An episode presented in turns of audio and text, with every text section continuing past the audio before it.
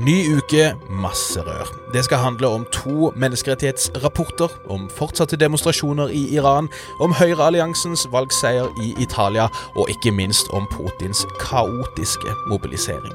Dette er Hva skjer med verden?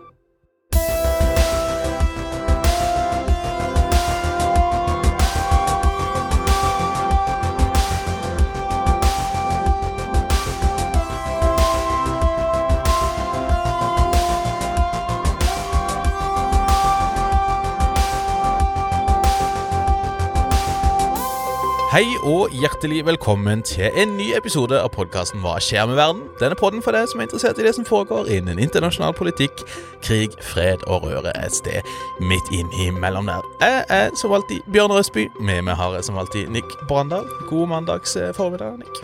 Mandag, Bjørnar. Og vi må jo nå straks begynne å uh, uh, gratulere med at Global Britain er tilbake igjen. Endelig. Samveldet er i vekst. Fantastisk. Er nemlig i ferd med å få en ny, eller rett og slett nygammal medlem.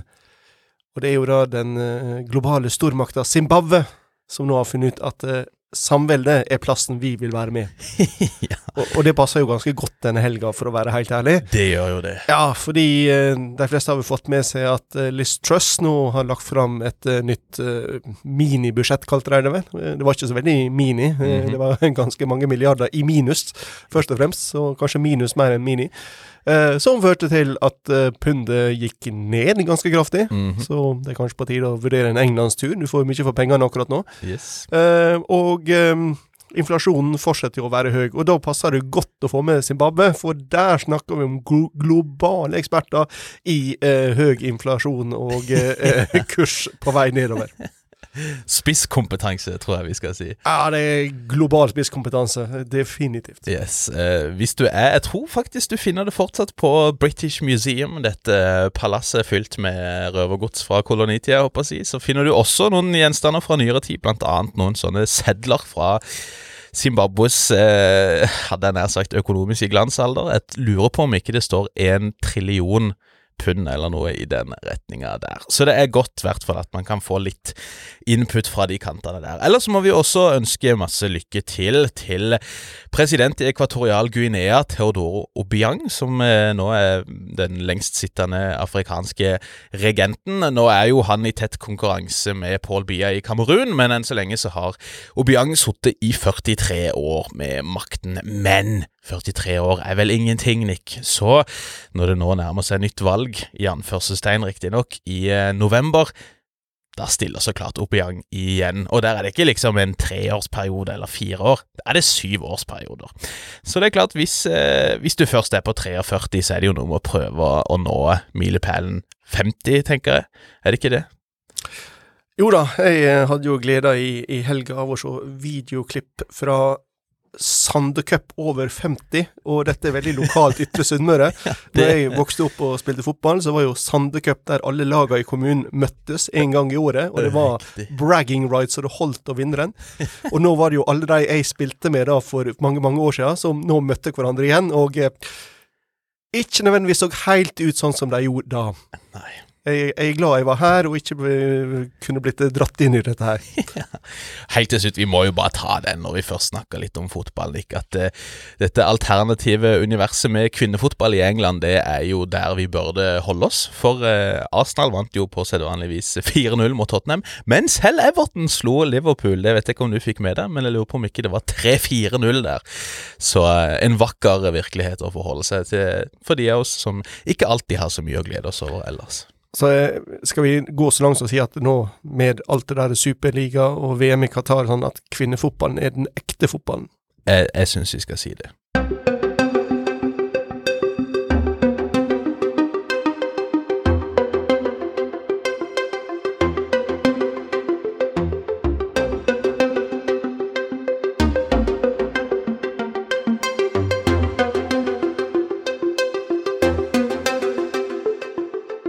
I dag så har vi prøvd å eh, avgrense denne podden litt for en gangs eh, skyld. Litt fordi vi har litt dårlig tid. Så det vi kommer til å gjøre, er at vi skal snakke litt om Etiopia og en rapport som har kommet derfra. Vi skal snakke litt om valg i Italia og om demonstrasjoner i Iran, før det skal handle om eh, situasjonen i Russland, egentlig spesielt, med mobilisering og, og, alt det salige kaoset som virker å utspille seg der i disse dager. Bare en liten sånn eh, kunngjøring før vi eh, griper fatt vår roundup. Neste mandag så slipper vi vår første nye episode av eh, en slags eh, Kall det en relansering av det amerikanske paradokset med Hilde Restad. Hun slipper bok i disse dager, så vi kommer tilbake altså mandag i stedet for en ordinær episode. Så blir det en episode med Hilde. Og så kommer vi da til å slippe en, eh, en liten miniserie med episoder frem i perioden mot da midterms, såkalt, i i USA, som da skjer Det er vel valg i starten av november, er det ikke det, jeg tror. Så følg med på det for deg som er interessert i amerikansk politikk og det som foregår der. Og i den forbindelse så er jo vi veldig interessert i å høre hva dere lurer på også. Så dersom du har spørsmål til Hilde om amerikansk politikk, det kan være mer generelle ting, eller det kan være om mer dagsaktuelle utviklinger, Gå inn på www.hvaskjermedverden.no og send spørsmål der, så skal vi prøve å få svart ut dette når vi starter denne serien fra og med neste uke. Ok, vi snakka for et par uker siden, Nick, om at eh, det kunne se ut som ting kunne gå mot eh, fredssamtaler i Etiopia, og, og eh, Kanskje litt av grunnen til at vi kan fremstå litt sånn kyniske og pessimistiske, er jo at når vi prøver å lansere noen sånne gladnyheter, så går det ofte ikke så bra som vi kanskje håper på. Og, og krigen i Etiopia er jo kanskje et godt eksempel på det, for heller enn at uh, disse forsøkene på fredssamtaler har ledet i en mer fredelig retning, så har jo krigen virkelig brutt ut for fullt. Det vil si, vi fikk jo et nytt utbrudd nylig, før meldinger om, om, om samtaler men rapportene fra de siste par ukene er at Eritrea har mobilisert for fullt. De har vel aldri forlatt Nord-Etiopia, men det er nå snakket om eh, nye offensiver nærmest langs hele den eritreiske grensa inn i Tigray i Nord-Etiopia. Rapporter fra Eritrea tyder jo på at det har vært mobilisering av menn opp til 55-60 års alderen, faktisk. Så det er ikke kanskje bare Putin som eh, løper en viss risiko med denne mobiliseringa han driver med for tida, men eh, utover det så er det veldig vanskelig å få så mye oversikt over hva som egentlig foregår på frontlinjene. Det er noen eh, rapporter om at eritreiske eh, slash etiopiske styrker har tatt kontroll over noen byer i Tigray, ditto at Tigranske styrker har tatt kontroll over noen byer langs grensa mot Amhara-regionen, så det er ganske vanskelig å vite. Det, vi, det lille man hører, håper jeg, tyder jo på at det er veldig høye militære tapstall, om ikke annet, men utover det så er det vanskelig å, å lese så mye mer ut av situasjonen enn så lenge. Vi kan jo for så vidt eh, gi litt grann honnør til eh, NRK, som hadde en reportasje om Tigay Tigray og Etiopia på Dagsrevyen i går kveld på søndag. Det er jo på en måte fint at det får oppmerksomhet. Når det er sagt, så var det jo veldig lettbeinte greier. De resirkulerte mm, filmer som har vært ute ganske lenge, og jeg syns det var litt sånn underlig vinkling der det var sånn og hvorfor er det ingen som snakker om denne krigen og sånt, når NRK sjøl har sagt fint lite om dette her i løpet av to år cirka, hvor veldig mange andre har prøvd å vie dette her oppmerksomhet. Nu vel, det jeg tenkte vi skulle snakke litt om her, er at vi har fått en eh, rapport fra Menneskerettighetsrådets ekspertkommisjon, der de hadde utpekt tre menneskerettighetseksperter eh, for å granske litt av eh, hva som foregår i Etiopia, mer spesifikt i Tigray, men også i noen av områdene utenfor Tigray. Og eh, funnene der, selv om de er basert på et veldig begrensa datamateriale, og selv om de har fått på, øh, si, operere over en kort periode, de funnene er ganske så øh, bekmørke, får vi si. Og en del av dekninga av denne rapporten har jo gått på at begge parter får kritikk, og det er jo helt riktig. Eh, etter det jeg kan lese, så er det kun myndighetene i Addis Abeba med sine allierte som blir anklaga for sannsynlige forbrytelser mot menneskeheten, men det er også en rekke anklager mot eh, tigranske styrker om forskjellige, for, eh, forskjellige, krigsforbrytelser, spesielt da i form av seksuell vold mot sivile i Amhara-delstaten. Men det som var kanskje mest slående med denne nye rapporten, det er språket som brukes, og en del av kritikken mot delstats... Eh, unnskyld, mot føderalmyndighetene i Addis Ababa og deres regionale allierte. Altså både delstatsmyndigheter i Amhara-staten, militser fra den delstaten og mot eritreiske styrker. Det er en del av det språket i den rapporten der minner ganske mye om folkemordkonvensjonen. I et sånn eh, tillegg til denne rapporten der de beskriver applicable law, så nevnes kun menneskerettighetskonvensjoner, som kanskje er naturlig gitt at det er Menneskerettighetsrådet som gjør dette her. Eh, av en eller annen grunn, jeg vet ikke helt hvorfor, så blir ikke folkemordkonvensjonen nevnt, selv om Etiopia har ratifisert den. Men uansett så ser man jo i flere tilfeller at språket ligger ganske tett opp mot folkemordkonvensjonen. På et tidspunkt så beskriver man f.eks. det man kaller 'staggering rates of sexual violence' mot sivile i Tigray, hvor eh, det da beskrives flere eh, tilfeller av seksuell vold hvor overgriperne skal ha brukt avhumaniserende språk, som det står, som 'suggested an intent to destroy the Tigrayan ethnicity'. På et annet tidspunkt så beskrives uttalelser fra nasjonale og regionale tjenestemenn som ifølge disse mm, rapportørene indikerer an intention to deprive the Tigrayan population of objects indispensable to their survival as part of a strategy to weaken or undermine the Tigrayan authorities. I tillegg så kommer det flere anklager om sannsynlige da, forbrytelser mot menneskeheten, som fra uh, føderale myndigheters hold inkluderer forbrytelser mot menneskeheten som mord, tortur, voldtekt og seksuell vold.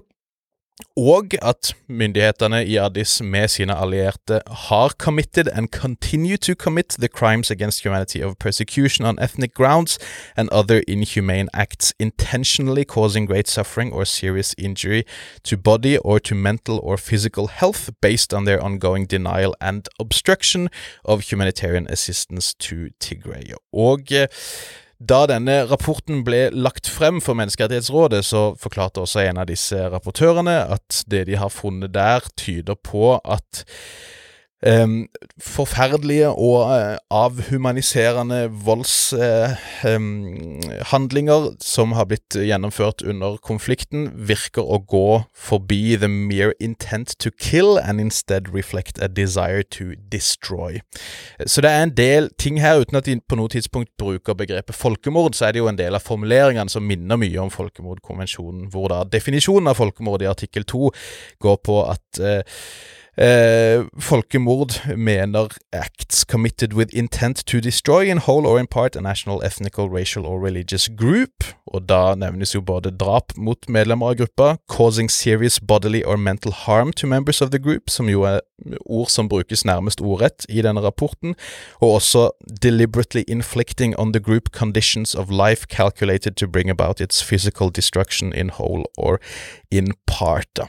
Um, så er det jo en rekke dommer som har kommet i seinere tid, som også gjør det at eh, forskjellige former for seksuell vold har blitt vurdert som folkemord og lignende, men det at man nå legger seg såpass tett opp her, er jo eh, ganske slående sammenlignet med tidligere rapporter, i hvert fall. Så er det trolig to grunner til at man ikke bruker begrepet folkemord. Ja. Eh, den ene er pragmatisk, og den andre er politisk. Den pragmatiske handler om at dersom ordet folkemord hadde stått her, så hadde det skapt masse støy, som hadde tatt oppmerksomheten bort fra de fakta som faktisk blir lagt fram, og som er ganske knusende. Mm. Eh, de andre forbrytelsene som eh, nevnes her, er mye greiere å forholde seg til. Mm. Eh, og dette har vi jo også sett i f.eks. måten Amnesty har forholdt seg overfor eh, Kina i Xinjiang. Altså de har unngått å bruke folkemordsbegrepet der. Ja. Og, og, og, dette er et for så vidt vektig argument. Og så kommer den andre grunnen, som er politisk, nemlig at eh, fordi det å bruke folkemord potensielt har så store politiske implikasjoner, så er det greit å la det være opp til medlemsstatene i FN å bestemme. Ja. Eh, her er fakta. Nå får dere ta en avgjørelse hva dere vil kalle det. Det er ikke opp til oss. Det er opp til dere. Mm. Ja, og så er det jo også dette med at til syvende og sist så er det jo domstoler som har mandat til å liksom etablere hvorvidt det er det ene eller det andre, vel. Så, så, det kan jo tenkes at man tenker at eh, vi kan prøve å etablere fakta, og så får andre tolke dette her. da. Men det som bare må sies også, er jo at her har de sett på veldig få områder. Sant? Så dette her er ikke basert på gransking fra Vest-Tigray, f.eks., hvor man da har rapporter om systematisk etnisk rensning, f.eks., som Human Rights Watch og Amnesty International har beskrevet, og der mange av de verste overgrepene antas å ha foregått. Så, så det sier kanskje ganske mye om alvorlighetsgraden på det som har skjedd, da. At selv med et såpass begrensa kildetilfang, så har man tatt i den retninga der. Ja, og så, og så kan det være en tredje grunn som spiller inn her, og det handler om arbeidsdeling i FN. Fordi man har jo nå et eh, spesialkontor for, å, eh, for eh, forebygging av folkemord og Ja. Responsibility to Protect, som nettopp da skal ta ansvar for denne delen av, av internasjonal lov, og, og rapportere på og, og, og komme med kompetente innspill til generalsekretæren. Mm, mm. Just det, så, så det er nok en del sånne, kanskje litt mer sånne banale byråkratiske ting også som kan påvirke det. Og så er det jo viktig å bare å, å slå fast at eh, hvorvidt man kaller dette folkemord eller ikke, eh, gjør ikke dette mer eller mindre Nei. ille. Nei. Dette her er, dette er ikke en konkurranse. Nei. Der liksom folkemord er eh, øverst på særspallen. Dette er forskjellige deler av internasjonal lov med forskjellige implikasjoner. Ja. Og denne rapporten er, er fryktelig, fryktelig ille. Ja, det er det. Og så har jo den så klart blitt møtt da med masse kritikk fra føderalmyndighetene i Etiopia på veldig forutsigbart vis, og den ble også eh, kritisert av noen av de afrikanske medlemsstatene i Menneskerettighetsrådet, som så klart eh, etiopiske tjenestemenn omtalte som en seier for panafrikanismen. Så er det jo et problem at lederen for denne ekspertgruppa er kenyansk, sånn at det, du kommer kanskje ikke så langt med den vinklinga der. Men en, en annen ting, bare for å nevne det til slutt, som også var ganske slående med denne rapporten, det er at disse eh, ekspertene flere ganger faktisk kritiserer forskjellige deler av FN-systemet. Så i punkt 12 i rapporten så skrives det at requests to various UN entities operating in Ethiopia to share documents and materials of interest were largely deflected or responded to after an inordinate delay. Ditto så har de eh, kontakta det som ble kalt The Joint Investigative Team, som da var en, denne mye kritiserte rapporten som vi har snakka om før, som ble gjennomført i samarbeid mellom etiopiske myndigheter og Høykommissæren for menneskerettigheter, altså en annen FN-instans. Der hadde dette teamet spurt om tilgang til det teamets interne database, og ikke fått eh, svar før det hadde gått ganske lang tid, som gjorde at de hadde lite tid til å faktisk gå igjennom disse tingene her. Da. Og det, det at det faktisk skrives såpass eksplisitt at deler av FN-systemet utenfor og i Etiopia ikke har ville samarbeide, er jo også ganske graverende, får vi si.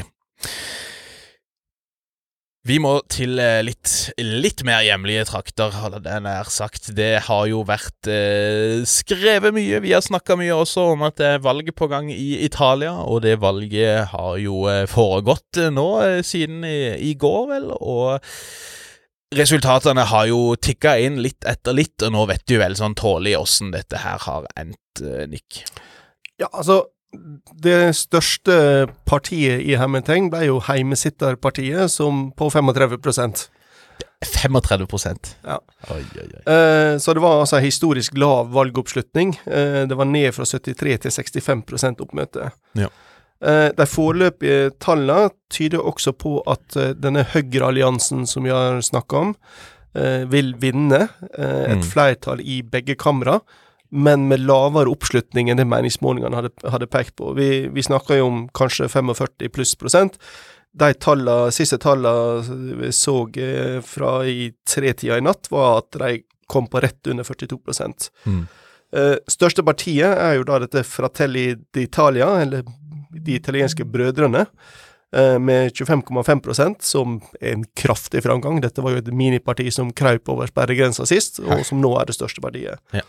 Eh, og det kan jo være verdt her å stoppe opp med uh, dette begrepet postfascistisk eller nyfascistisk som blir brukt om dette partiet. Mm. Fordi det er jo en sånn ganske alvorlig, uh, alvorlig greie, gitt Italia og Europas historie. Ja.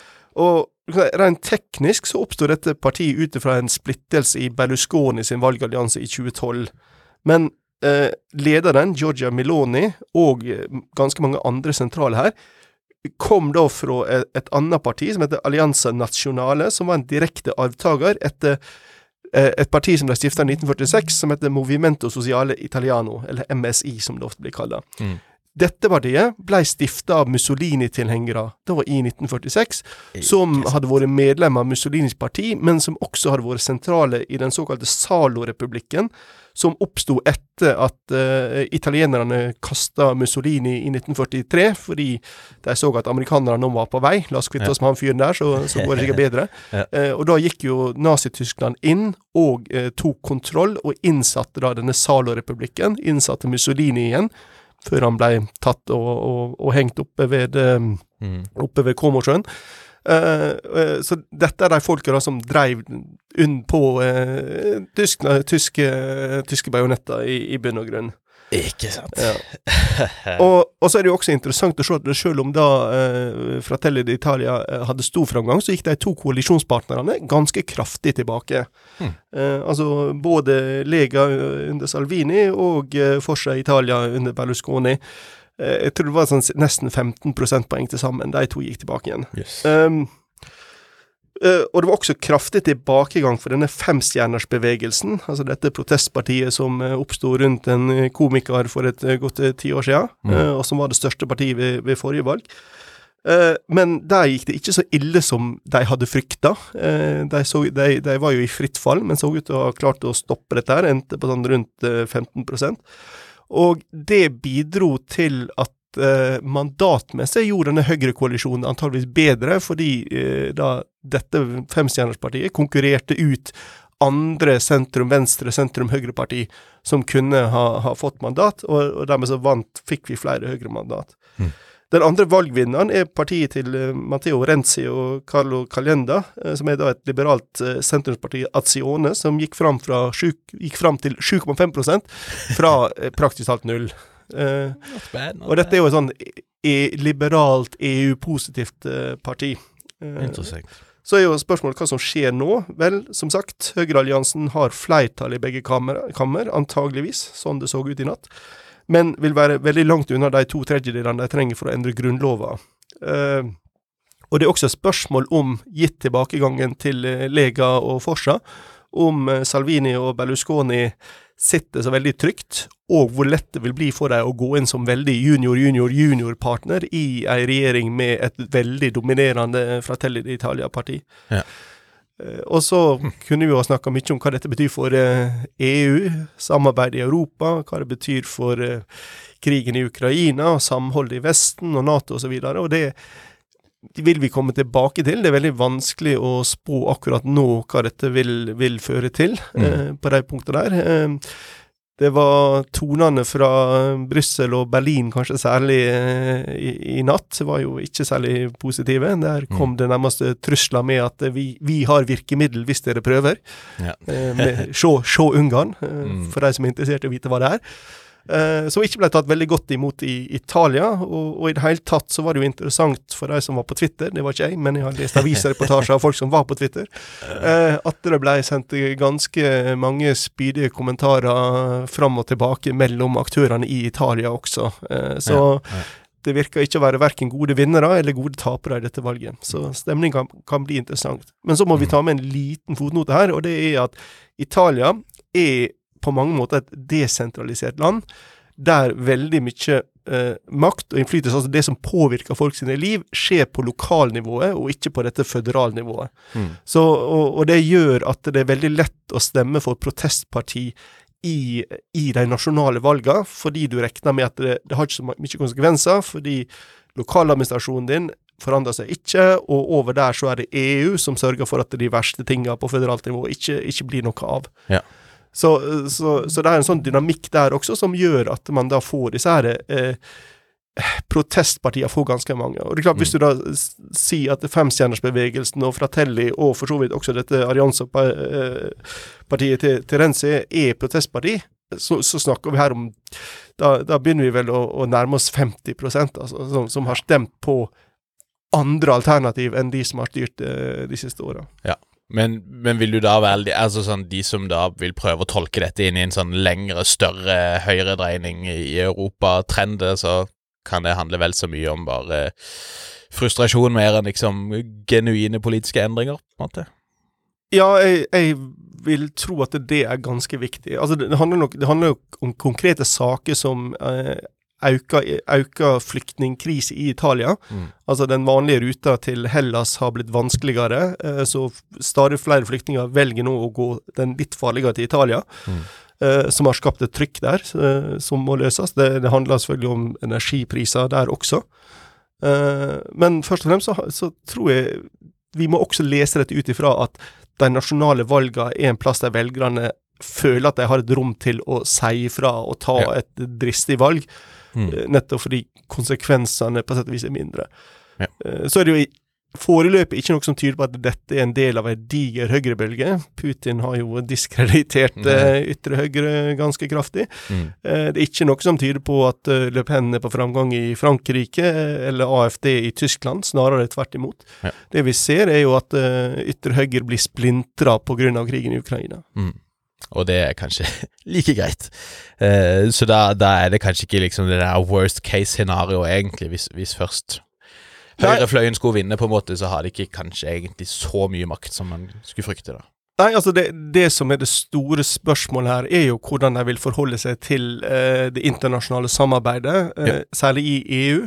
Og om vi kan tenke oss å få en allianse med f.eks. Ungarn, som gjør det enda vanskeligere for EU å bli enige om en felles front mot eh, Russland, og ikke minst å, å gjennomføre disse sanksjonene mot medlemsland som Polen og Ungarn. Mm. Altså Hvis vi nå får Italia som et stort og eh, et av de opprinnelige medlemslandene som en blokkering, så, så vil alt på EU-nivå bli vanskeligere. Ja, ja.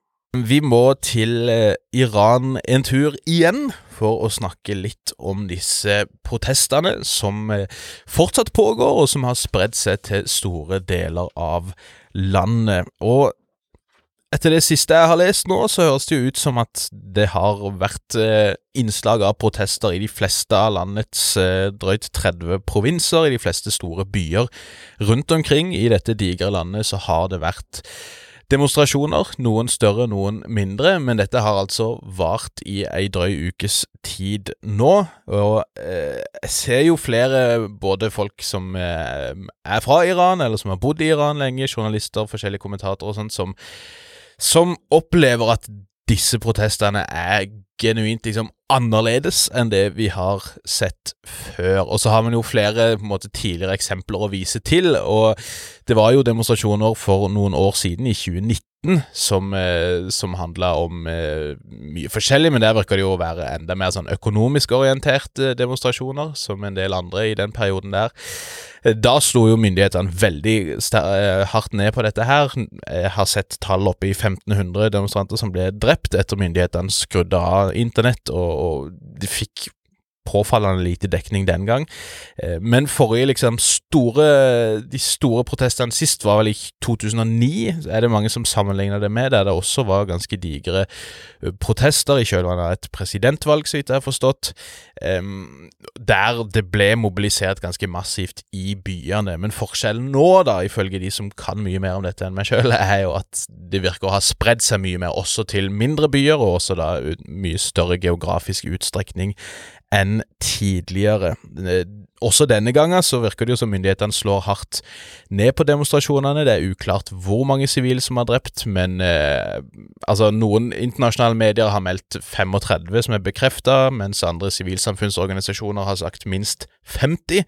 Og så virker det jo å være en trend da at myndighetene slår hardere ned på protester i kurdiske områder enn det de gjør i kall det mer sånn persisk majoritetsområder, som eh, i hovedstaden, blant annet. Og det er jo noe som eh, som er virker å prege disse demonstrasjonene også, at det er en veldig skal jeg si, sterk kurdisk dimensjon ved de, men som også da har blitt ganske omdiskutert både i Iran og rundt Iran. Em, det er jo eh, for eksempel sånn, og det får vi takke en norsk-kurdisk kollega også, som opplyste oss om at Masa Amini, altså navnet hos sitt, som har blitt brukt som en, eh, som en hashtag, og som er å se på mange banner og så videre rundt omkring, det er ikke opprinnelig det navnet hun fikk. Hun heter visst egentlig Gina Amini, og jeg vet ikke om uttalen er riktig, men eh, er jo et eksempel på at regimet siden 1979 har håper jeg, fratatt den kurdiske befolkninga sin identitet, at man har forbudt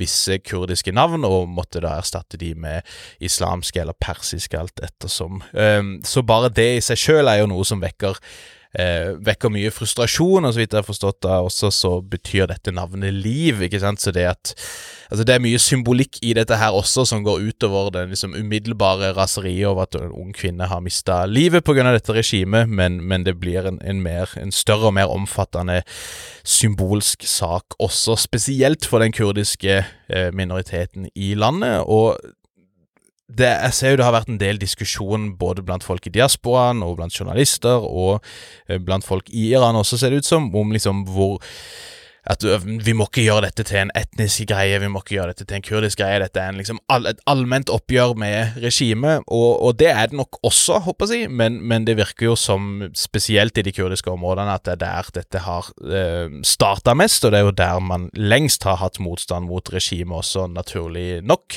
Eh, fordi at det har vært jeg håper å si, en spesielt sårbar gruppe helt siden revolusjonen i 1979. Og, og sånn sett, altså, så kan man jo kanskje si at strukturelt sett så har det vært veldig mye vold og undertrykkelse mot kurdere og mot kvinner, og da, hvis du da er kurdisk kvinne også, som denne unge jenta var, så, så er det jo åpenbart da spesielt eh, sårbar eh, for dette despotiske regimets politikk. Så sa vi jo innledningsvis at når vi har prøvd å være positive, så har det gått gærent, så la oss gjøre, gi, gjøre det iranske folk en tjeneste å være negative her. um, altså, øh, den, den sammenligninga som de fleste har lyst til å trekke, er jo 1979. Mm. 78-79, når øh, regimet til Shan øh, uh, falt. og, og da er det Det er en dårlig sammenligning. Det, dette ligner foreløpig veldig lite på det. Altså, og det tar ikke noe bort ifra det, det, det heroiske ved de protestene som skjer nå. Mm. Altså, dette er folk som risikerer eh, alt.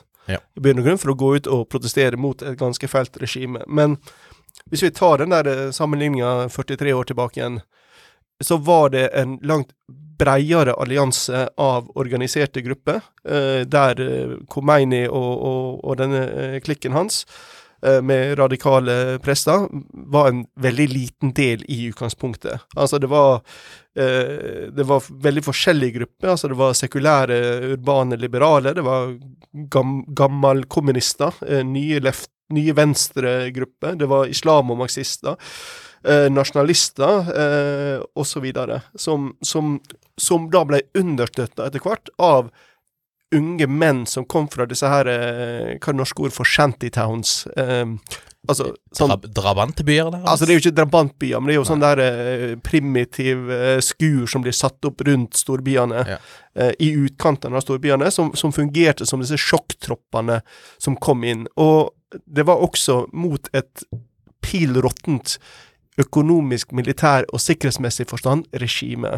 Mm. Og eh, dette regimet som nå sitter i Iran, er jo selvfølgelig pil råttent hvis du ser på demokrati og menneskerettigheter og alt sånt der, der. Men når det gjelder makt og evne til å bruke brutalitet for å slå ned, så er de neppe så pil råtne som eh, eh, Shahen sitt regime var i 1979.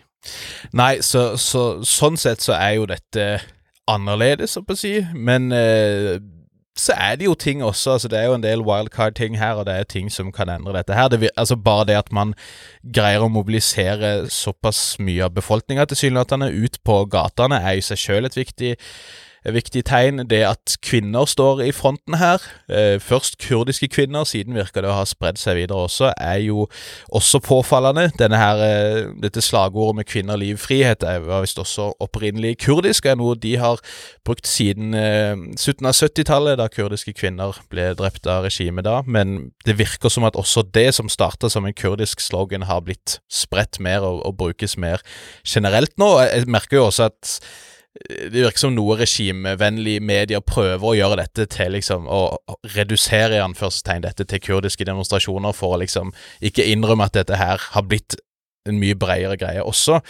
Men eh, du har jo noen områder, altså det er en by eh, Oshnavie, tror jeg den heter, i eh, nordvest. Som det er vel en kurdisk majoritetsby som det har vært snakk om at regimestyrker rett og slett har forlatt byen, og at eh, lokale eh, aktører har tatt kontroll der. Eh, uten at det er så lett å etterprøve det, så har det i hvert fall vært meldt om at det har skjedd for noen dager siden.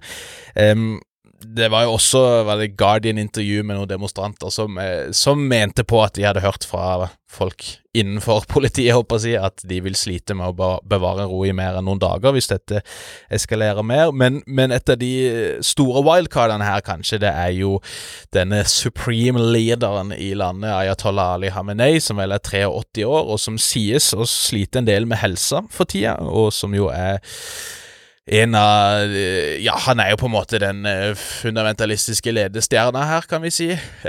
Så bare hans eh, helse og status over tid vet man jo ikke hvor lenge vil vare. Det er jevnt over et eh, eldrende regime, håper jeg å si, når det gjelder religiøse og politiske ledere. Så det er jo en del ting her som, er, som man ikke liksom skal ta for gitt. Og så tenker jeg jo også spesielt i sånne type eh, skal vi si, teokratier som Iran, så er jo denne symbolikken med at kvinner brenner hijab, tar av seg hijaber, brenner de, klipper håret sitt offentlig som protest osv. Det er jo en del sånne tabuer og en del sånne regler og normer som har vist makta til dette regimet, som blir tatt et oppgjør med i offentlighet, også tilsynelatende med støtte fra flere og flere, spesielt unge menn, som jo tyder på at litt av måtte overtaket kulturelt, religiøst, normativt sett for regimet faktisk ikke er så totalt som det kan ha virka som. da. Så eh, vi får jo se, og det, det finnes jo fortsatt organisasjoner i, eh, i, landet, altså kurdiske man har i Balutsjistan osv. Nå er ikke dette veldig store, mektige aktører nødvendigvis, men uh, vi, vi, får jo eh, se åssen dette utspiller seg, men enn så lenge så har i hvert fall ikke myndighetene fått en stopp på det. Tvert imot så virker det bare å ha spredd seg mer og mer, og så får vi se. Jeg tror jo heller ikke vi skal liksom stille klokka etter at denne her, at dette regimet ryker i løpet av den nærmeste tida, men eh, så er det jo også en del regimer man ikke har sett for seg skulle ryke, som har gjort det historisk, så eh, tiden vil vise.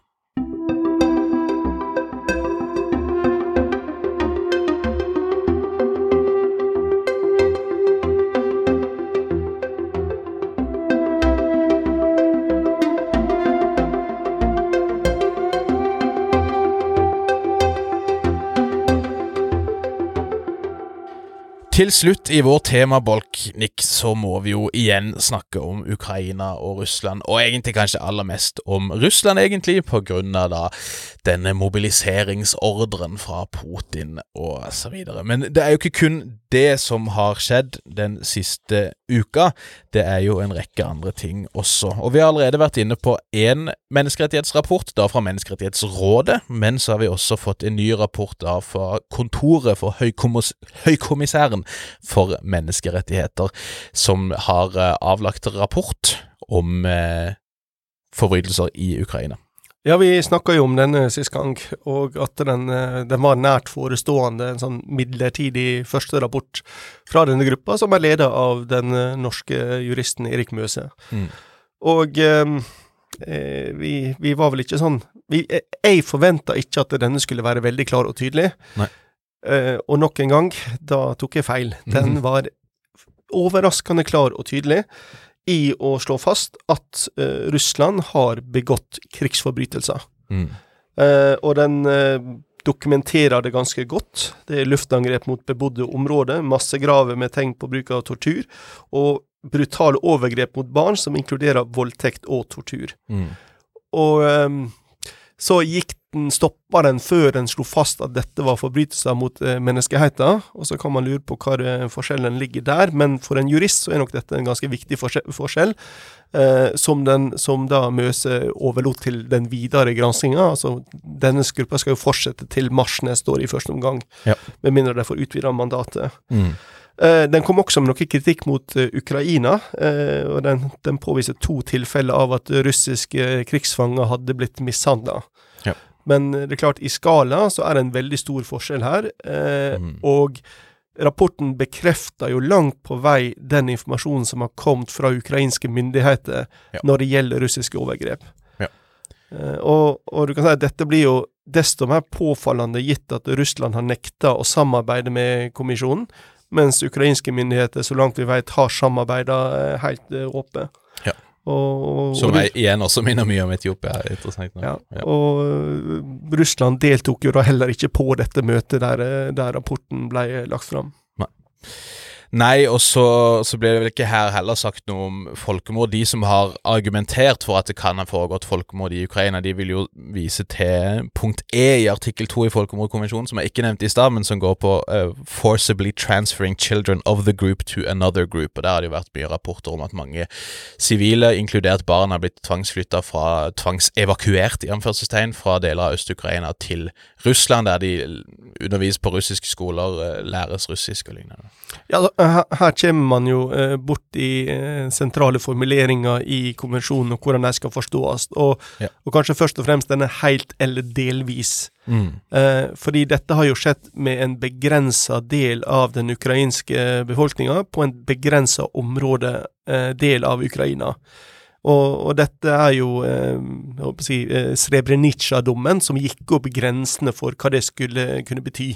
For der ble jo da eh, et eh, nær sagt alle menn i et begrensa område eh, drept av eh, pro-serbiske eh, grupper. Eh, og da måtte man jo da ta stilling til om det var tilstrekkelig, og det sa jo da Jugoslavia-domstolen ja til. Ja. Eh, men så må man jo da, for å vurdere om dette kan gjelde her, så må man jo gå til den dommen og se hva slags kriterium som ble satt opp. Mm. Og da er vi til, igjen tilbake til det poenget. Altså I Srebrenica er det jo snakk om ca. 8000 gutter og menn som ble drept av bosnisk-serbiske styrker i 1995. Um, så vil man finne andre eksempler på forbrytelser mot menneskeheten som har tatt flere liv enn 8000, ikke sant, uten at det blir kategorisert som et folkemord, fordi at juridisk sett så er det ikke Altså, det, det har blitt snakka om folkemord som liksom den verste forbrytelsen og lignende, um, men sant, jeg tror nok mye av denne higenen etter folkemordstempelet er mer for en slags sånn moralsk katarsis, nærmest. At det er mer normativt, og at vi tenker at dette her er kvalitativt verre. Det er det kanskje, men kvantitativt sett så kan andre former for forbrytelser ta langt flere liv potensielt sett, og derfor så er det ikke gitt at det ene er verre enn det andre, i prinsippet. Nei da, og så går jo dette også litt inn i eh, si, stater sitt ansvar her. fordi hvis du tar Srebrenica, så ble jo den serbiske staten frikjent for folkemord. Den ble frikjent for å ha støtta folkemord, men ble vel, så vidt jeg husker, dømt for å ikke ha forhindra folkemord. Ja. Så igjen, om du da kan, uansett om du kan påvise disse handlingene og vise at de kvalifiserer som folkemord, så må du altså kunne knytte dem tilbake igjen til Putin og den russiske staten for at staten skal ha dette ansvaret i tillegg. Mm. Og da er vi over på at det- er veldig mye lettere å påvise, og kanskje også få en dom for krigsforbrytelser og forbrytelser mot menneskeheten, enn å gå veien om folkemordskonvensjonen. Ja, og i, i Srebrenica-tilfellet så gikk man jo da på ledere for disse bosnisk-serbiske styrkene fra Republika Serbska, som Mladic og Karadzic, og, og disse her, heller enn på liksom faktiske statsledere. Altså, jeg tror Milosevic hadde nok blitt dømt for folkemord også. Jeg tror jeg hadde han overlevd. Ja, ja. Eh, men man gikk jo først faktisk på folk som var lenger nede i kommandokjeden. ja Eh, det er ofte enklere, liksom. Så, så det er jo mye, mye politikk i disse tingene her også. Um, ellers så hadde jo foregått sånne iscenesatte folkeavstemninger, i anførselstegn, i de uh, områdene som er helt eller delvis okkupert av Russland. og disse folkeavstemningene altså alle, alle som greier å tenke litt, skjønner jo at dette bare er tøys. Uh, Nick? Nei, det er ikke bare tøys, fordi det gir Putin og Russland eh, juridisk dekning for å sende eh, russiske vernepliktige inn i disse områdene her. Ja, ja, det er ikke poenget mitt. Poenget mitt er dette er ikke legitime avstemninger. Nei, det, og, men det er ikke poenget heller, og det er nei, ikke det Putin, Putin vil. Nei, det nei, ikke men det det så har du Carl I. Hagen, for eksempel, som, som skriver om disse avstemningene som om det er legitime greier. Men, liksom. men, du, men du må stå med beina i, eh, i Kreml og, course, og, ja, se, og se hva slags verden er det de ser, hva er det de ønsker å, å oppnå med dette her.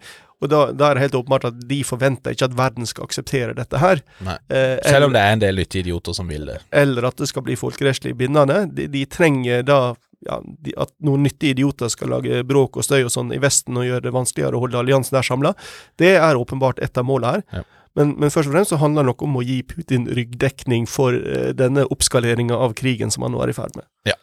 Men så poenget mitt er at her er det ikke som om folk har hatt så mye valg. Folk har blitt oppsøkt eh, hjemme av væpna soldater og må avlegge stemme der. De som har gått til valgstasjoner, er det snakk om at måtte ha avlegge sin stemme muntlig foran væpna soldater. ikke sant? Så dette her er det er ikke mye til valg, men det kan være så klart juridiske årsaker til at Putin gjør det. Jeg tror jo ikke til syvende og sist de Igjen, det er ikke nødvendigvis sånn at de tenker det er utrolig viktig at vi gjør ting riktig, men alt som kan gi de en grad av plausible deniability eller lignende, som de kan spille på, som andre vestlige stater har gjort når de har gjort tvilsomme ting, det, det er åpenbart nyttig for Putin.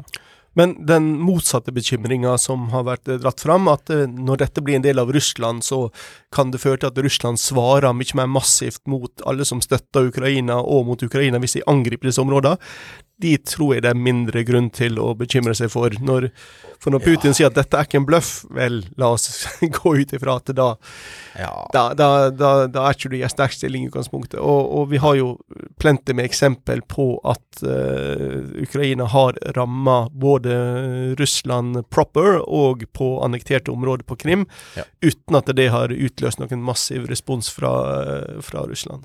Ja, og, og, når det gjelder Krim, denne saken i luftbasen, er ikke det den heter, så, så, gikk jo deler av administrasjonen i Ukraina ut og sa at det var de som sto bak. ikke sant? Så Det hadde nok ikke gjort i Belgorod, f.eks., men der har vi jo sett ukrainske helikoptre på film som angriper noen eh, oljedepoter.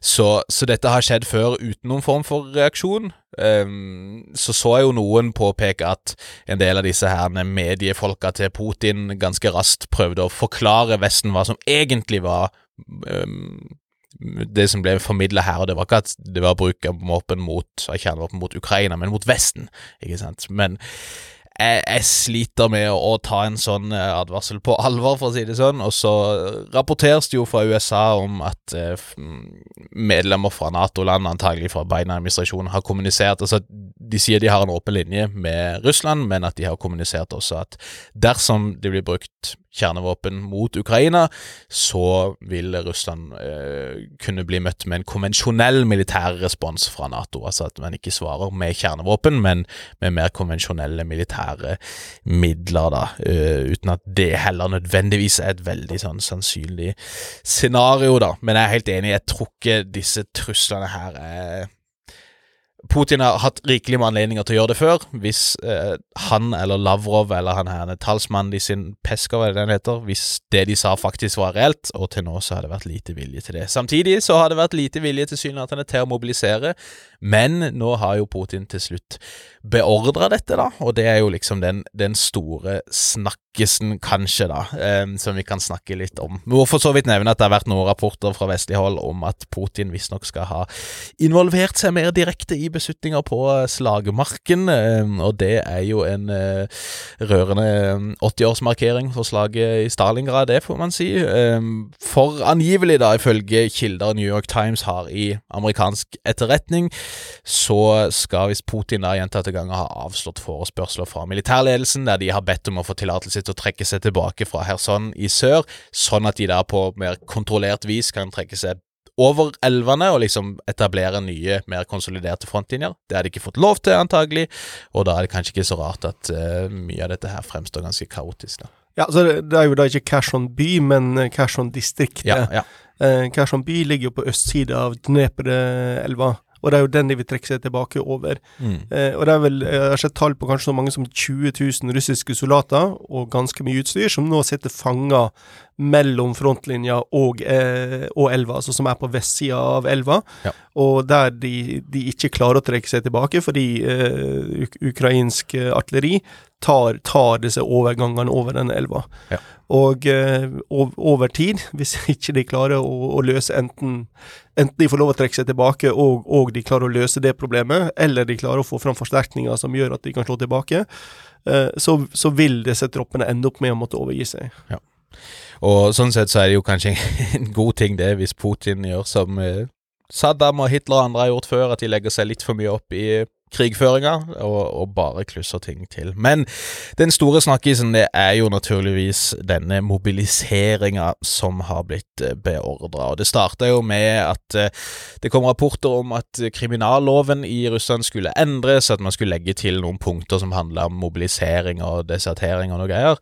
Eh, og så ble det snakk om at Putin skulle holde en tale, og folk satt og venta hele kvelden på at denne talen skulle komme, men den talen kom ikke, og ble etter hvert utsatt til dagen etter, som jo en del tolker som at Putin kanskje ikke egentlig hadde så veldig lyst til å gjøre dette her, og venta til siste liten. Men eh, det som ble sagt da, både av Putin og siden av forsvarsminister Sjojgu, var jo at dette det var snakk om en delvis mobilisering, da, angivelig. Eh, og, så var det litt sånn uklart hva det betød. sant? Noen har jo spurt seg om Eh, hva er status for eh, vernepliktige, f.eks.? For, eksempel? for da ble det jo spekulert i at ok, de kommer til å annektere eh, Donbass og kanskje også flere av disse andre delene sør i Ukraina. Og når det da er en del av Russland, så kan man sende vernepliktige der uten å endre på reglene, var jo noen lurte på. Så virker det jo som en del vernepliktige kanskje blir mobilisert og sendt av gårde uansett. Det var snakk om at studenter ikke skulle mobiliseres, og så har det kommet ut filmer der studenter blir mobilisert. Um, det har vært snakk om at uh, Sjojgo ønsker å mobilisere 300 000 i første omgang, mens andre prorussiske medier har fått tilgang på tall som tyder på at 1,2 millioner er det man sikter på, visstnok. Eh, men, men, det hele virker jo å være et salig kaos, Nick.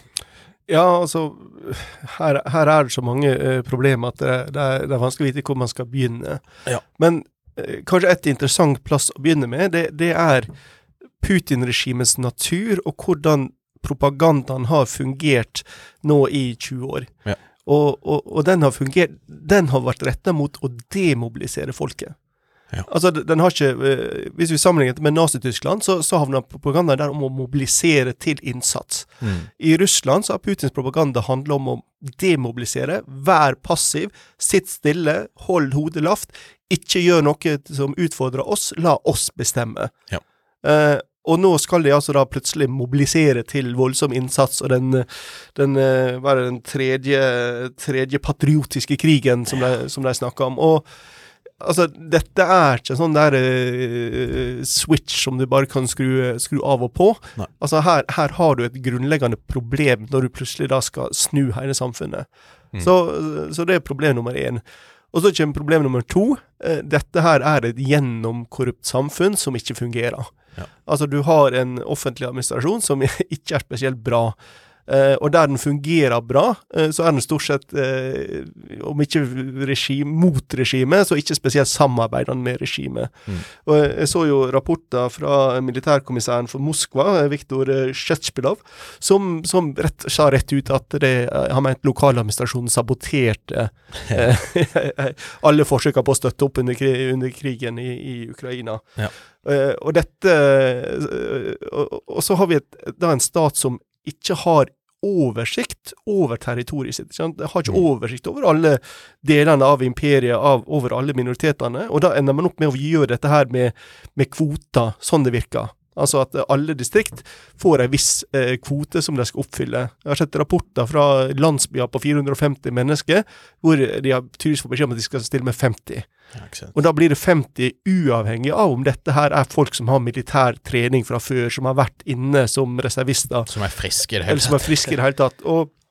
Dette har det jo kommet eh, motstand mot også fra Putin sitt eget parti, der eh, representanter ser plutselig at det fra deres lokalsamfunn mm. så, så, er dette ho hoderystende ille. Altså Det er folk som aldri skulle vært kalla inn, som har blitt kalla inn. Og det eh, rapporter som kom i, i går kveld, sa jo at de nå er i ferd med å snu. De skal ha en gjennomgang i alle leirene for å se om det er folk som ikke skulle vært der. Uh, og det tyder på at det er ganske mange som ikke skulle ha vært, så da må de sendes hjem, og så må de hente inn nye folk. Så altså det, ja, det, det er et shitshow, for da, å bruke fagbegrepet. Og da har ikke vi engang kommet til uh, det viktige her, nemlig kan disse gjøres om til brukbare soldater? Ja, og, sant, og da igjen, da, så er det jo Så ser man jo at en del av de som blir mobilisert, virker jo å være oppe i 50-60-årene. Det er jo kommet mange filmer som liksom er Mange lærere som er egentlig bare er dypt tragiske, med folk som eh, mobiliseres, og som er helt eh, kanakas eh, på vodka og, og ymse når de uh, trykkes inn i bussene osv. Og, så og, og uh, det, det, er ikke, det er jo ikke en fordom. altså Det er jo et stort problem med alkoholisme blant mange middelaldrende russiske menn, og det virker jo som det er her man da mobiliserer mange, faktisk. Ja, altså, Det var jo ikke så mange som la merke til det da det skjedde, men i februar-mars så kom det jo plenty med rapporter fra, mm. fra Belarus om russiske tropper som bytta bort materiell, utstyr, for ja. vodka. Så altså, den, den russiske hæren har et alkoholproblem.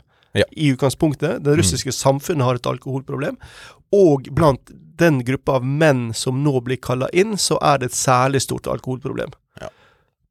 Som ikke er en oppskrift for verken motiverte eller disiplinerte stridsstyrker, for å si det sann. Og, og vi kan jo komme til den problematikken straks, men det man jo ser allerede, da, er jo bare en fortsettelse av trenden som har vært hele veien, at de fleste som mobiliseres til kamp, de mobiliseres fra minoritetsområder, der det enten da er etniske eller religiøse minoriteter. Så da er det jo mye av minoritetsbefolkninga i eh, Sibir, for eksempel, til dels i Kaukasus og andre områder, som blir kalt til å dø for Putin, mens da eh, etniske russere i større grad virker å bli beskytta enn så lenge, og det kan jo virke som det nettopp er der vi har sett denne masseflukten, der Novaya Gazeta snakker om så mye som 261 000 menn i stridsdyktig alder som har forlatt Russland i løpet av noen dager, da antagelig. Ja, altså det har jo vært uh, fylt på, alle grenseoverganger i lang tid. Det har vært fylt ja. på alle fly ut. Og nå ser det vel ut som de innfører forbud for, mot at menn i vernepliktig alder får lov å forlate Russland. Ja, Men, i tillegg til at det er blitt altså at stater som Kasakhstan og Georgia også stenger på sin side, virker det som. nå. Ja, og Finland ser også ut nå til å bli litt mer eh, restriktive enn de har vært. Ja. Men eh, altså, du kan si det, det, vi ser her, er jo på sett og vis at uh, Putin sitt eh, triks, eller suksessfaktor, nemlig å kombinere eh, patriotisk retorikk med eh, enkeltmenneskets sjølinteresse. Mm. Ikke sant? følg denne retorikken, og sørg, bli rik sjøl. som gikk sammen, nå går på tvers av hverandre. Sjølinteressa di nå ja. er å holde deg unna denne Så langt unna som mulig. Så langt unna fronten som du bare kan. Ja. Eh, og, og, og da, da, har du rett og slett et ganske stort problem. Mm. Fordi eh, hvis du er en autoritær eh, leder, så er frykt og propaganda det viktigste du har. Eh, og hvis du mister fryktfaktoren, altså at folk faktisk frykter noe annet mer enn deg, mm. de frykter at dette går, går så ille at det hele greia kan rase, ja, da har du mista den kanskje viktigste pilaren for regimet ditt.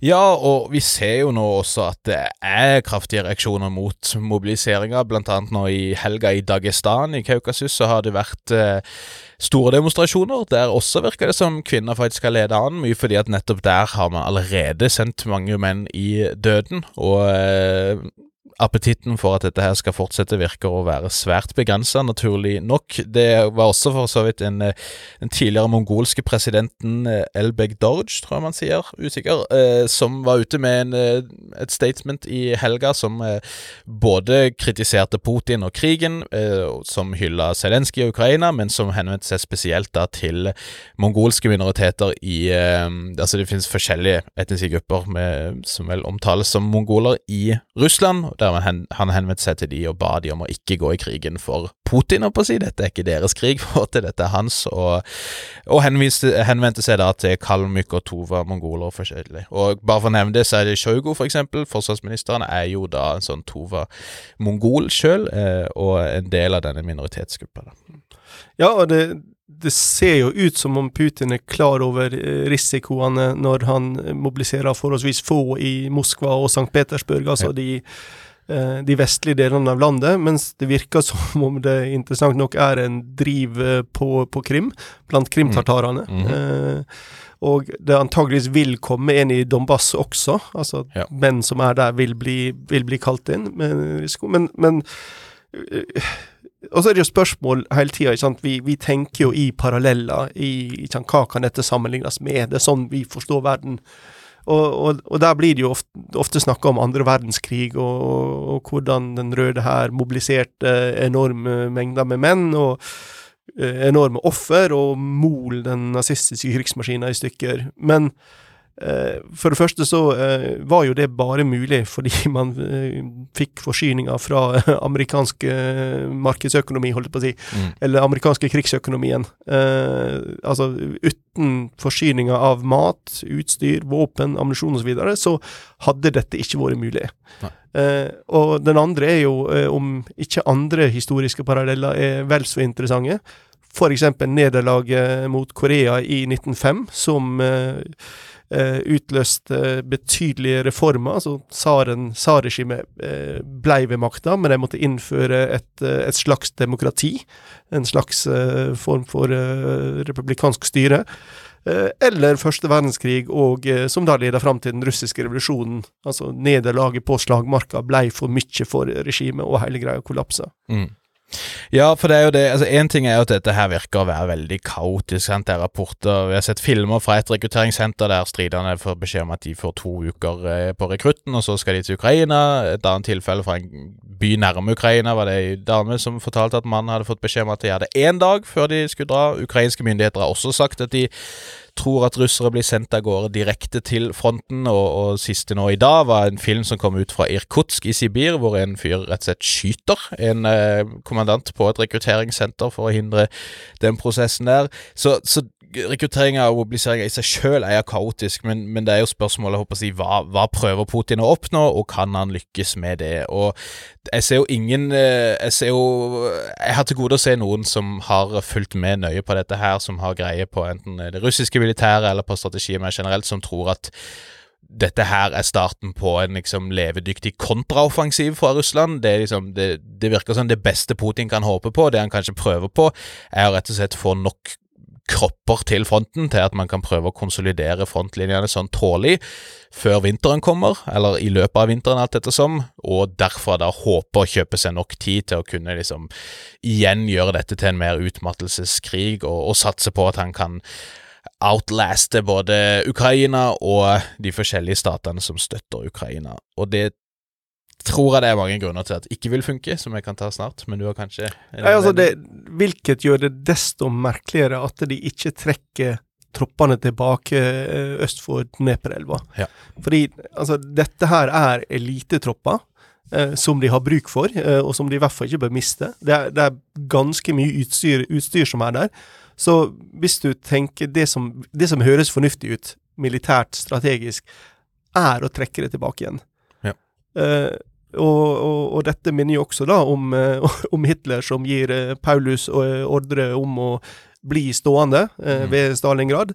Eh, og når han ber om mer støtte, mer hjelp, mer utstyr, så får de noen flylass med jernkors dryssende over seg.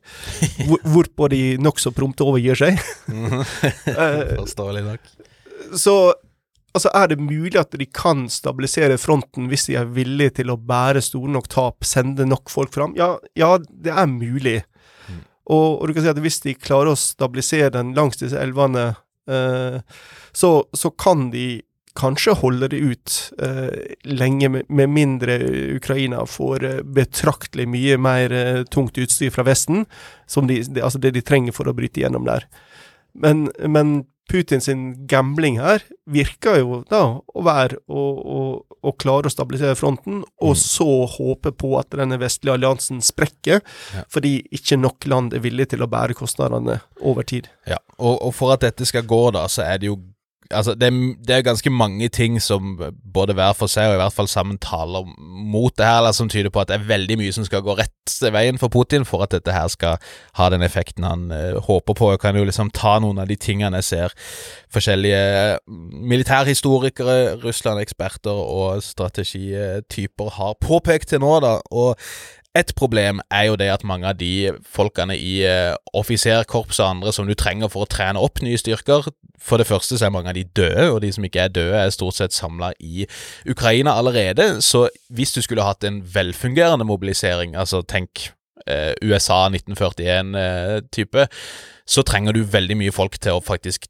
trene de som skal trene folk, og du trenger noen til å trene rekruttene, og du trenger både tid og penger til å gjøre det, og det tar fort et år, liksom. Den tida er åpenbart ikke noe Putin er villig til å bruke, eller kanskje kan bruke engang, eh, hvis de rapportene som kommer ut fra Russland, stemmer. Og, og for den saks skyld så er det jo også et problem at mye av nasjonalgarden, som har ansvar for å slå ned på eventuelle opptøyer og lignende, de er også sendt til Ukraina, og så mange av de er blitt drept. altså Roskvardia kalles jo denne organisasjonen.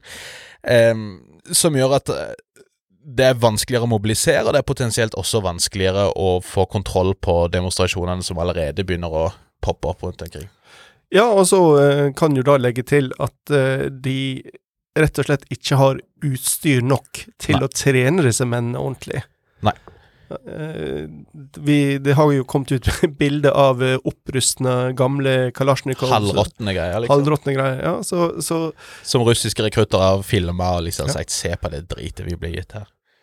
Så, så det liksom, du har materiellmangel, du har personellmangel for å trene folk, og så har du jo en elendig kampmoral i utgangspunktet, virker det som, av ganske gode grunner, som vel neppe blir bedre når folk i praksis blir liksom tvangsmobilisert, og det har jo vært det, det høres jo for dumt ut til å være sant, men det har jo vært noen rapporter om demonstranter i storbyene som har blitt hevet i, i um, politibiler sammen med journalister, der journalistene har hørt at disse skulle bli sendt rett til rekruttene og sendes til fronten. og liksom, Det fremstår så selvdestruktivt at det neppe, neppe er sant, Men la, la oss anta at dette her eh, godt kan være politi som vil være litt sånn harde, tøffe mot uh, disse Jeg- ungdommene og jeg synes det er- Jeg det er vanskelig å tro på Altså, Det fremstår jo bare så ekstremt dumt hvis det er tilfellet, da. Men, eh, men eh, det er ikke noe grunn til å tro, tenker jeg, at så dårlig trente styrker og dårlig utrusta styrker øker kampmoralen, og jo flere av disse som blir drept, jo mer kritikk skulle man jo tro det blir mot mobiliseringa mer generelt også, da. Altså, du, du kan si at eh, demografi er jo en av de to eh, hermetegn atomløsningene som, som Putin har. Mm. Altså, Russland har en større befolkning. eh, de har flere som har vært i, eh, inne i, i og gjort militærtjeneste de siste ti åra, enn enn Ukraina har. Eh, og, og, og igjen, hvis de er villige til å bære nok tap og bare pushe fram eh, noen millioner mennesker, Mhm. så, så, så er ikke det uviktig. Men det er ikke det, er ikke det som leder til effektiv krigføring. Og det, at det, som du allerede har sagt, eh, at det skal føre til en ny offensiv, og at man kan rykke fram, er nesten helt usannsynlig. Det er i beste fall for å klare å stabilisere fronten der den er nå, til enorme tap. Og så er spørsmålet om de tapene vil få konsekvenser tilbake igjen til Russland.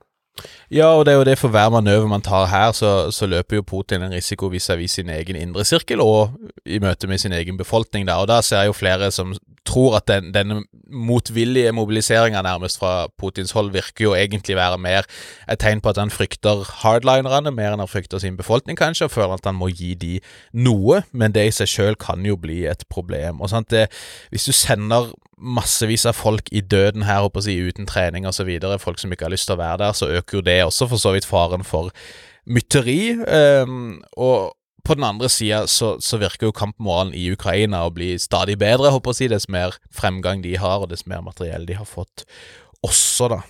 Ja, og så kommer vi jo da til eh, Jeg vet ikke om vi skal kalle det X-faktoren her, men randsonene de, de andre randsonene til det russiske imperiet. Ja. Vi snakka jo sist ganske mye om eh, konflikter i Kaukasus og eh, Var det Nær-Asia, eller hva det var vi endte opp med å kalle det? Ja, kall det sentral eller vest, eller Eh, og eh, Russland har nå ikke kapasitet til å støtte opp om de regimer som de har eh, si, garantert for eh, over lang tid.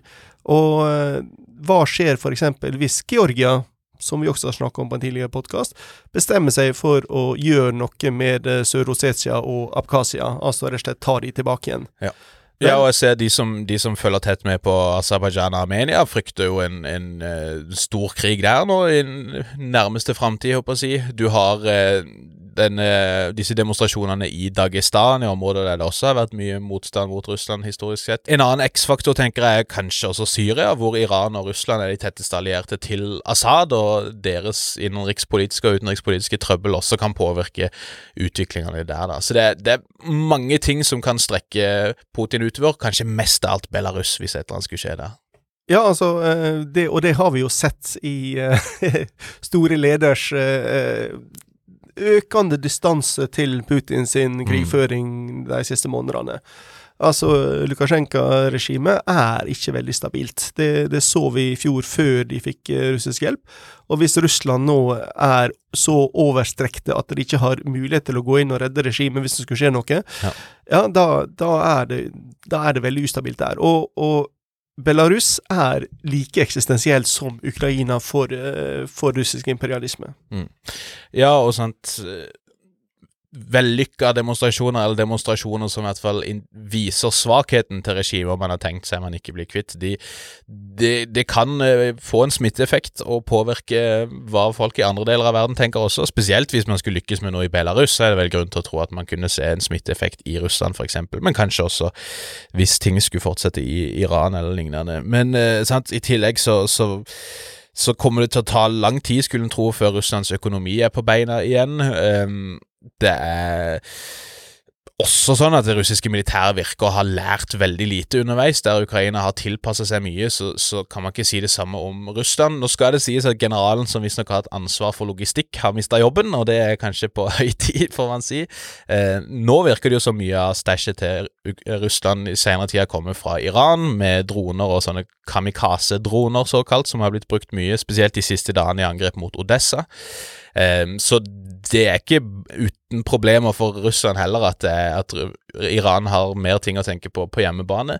Og når, liksom, når selv Kim Jong-un i Nord-Korea føler at han må gå ut og si at nei, vi har ikke solgt våpen til Russland og, og har ikke noe med det å gjøre, så, så sier det kanskje litt om, om, hvor isolert Putin begynner å bli, da. Mm. Det, det, har jo vært snakka en god del om, eh, om Tysklands avhengighet av, av, russisk gass. og der også er det jo interessant at mens de opprinnelige planene for et år siden var at russisk gass skulle være en sånn bro til fornybarsamfunnet i et kanskje 30-40 års perspektiv, ja. så har nå eh, EU eh, virkelig skrutt opp tempoet på eh, fornybarutviklinga, slik at eh, innen kanskje så lite som to år, to til tre år, så vil de ha gjort seg uavhengig av russisk gass. Og det mm. betyr at eh, de går ikke tilbake til det som var situasjonen før eh, februar, hvis, eh, etter denne krigen her. Mm. Det der har forandret seg. Og da står Russland igjen som at eh, best case scenario så blir de en kraftstasjon i Kina. Ja, ja og sant, altså vi har snakka om greit, Italia kan skape en del kluss for EU, men det var aldri Italia som forsynte Ukraina med mest våpen, f.eks. Det har uh, USA gjort, det har Storbritannia gjort, Liz Truss, og nå skal vi ikke kanskje stole på at hun sitter med makta kjempelenge nødvendigvis, men har allerede sagt at de i hvert fall skal matche de 2,3 milliarder dollarene som de ga i støtte til Ukraina eh, tidligere. Eh, I USA så er det jo enn så lenge nokså bred tverrpolitisk støtte for og, og støtte opp om Ukraina. Det er klart det kommer et mellomvalg snart, det kan skje ting der, men et eventuelt comeback for Trump vil jo først være i 2025 at han sitter med makta igjen, og veldig mye kan skje før den tid, håper jeg å si. De baltiske statene ser jeg ikke for meg endre kurs med det første, ditto Finland og lignende. Så jeg, jeg, jeg, tror jo om, om, noe så vil jo kanskje disse vellykka offensivene til Ukraina og mobiliseringa til Russland faktisk komme på et bra tidspunkt hvis det gjelder å holde oppe momentumet med støtte fra, fra vestlig hold. Ja, altså, problemet eh, for landene i Vesten, altså de store landene, og, og, her er det jo da Tyskland, Frankrike, Storbritannia kanskje viktig, altså.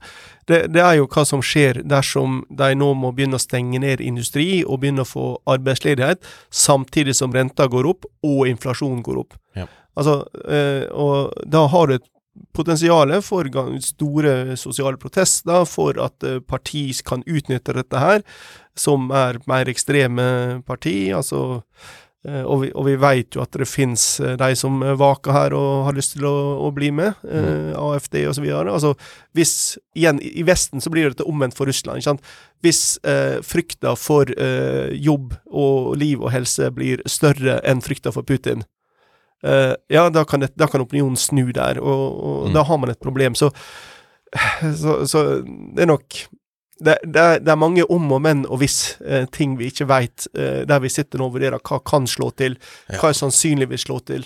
Mm.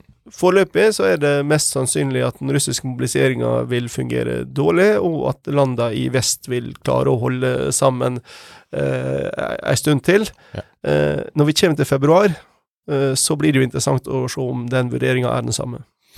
Ja, og så er det jo òg sånn at Putin i økende grad må forholde seg til både India og Kina, som allerede har kommet med mer eller mindre offentlig kritikk. Altså, må de komme med direkte kritikk?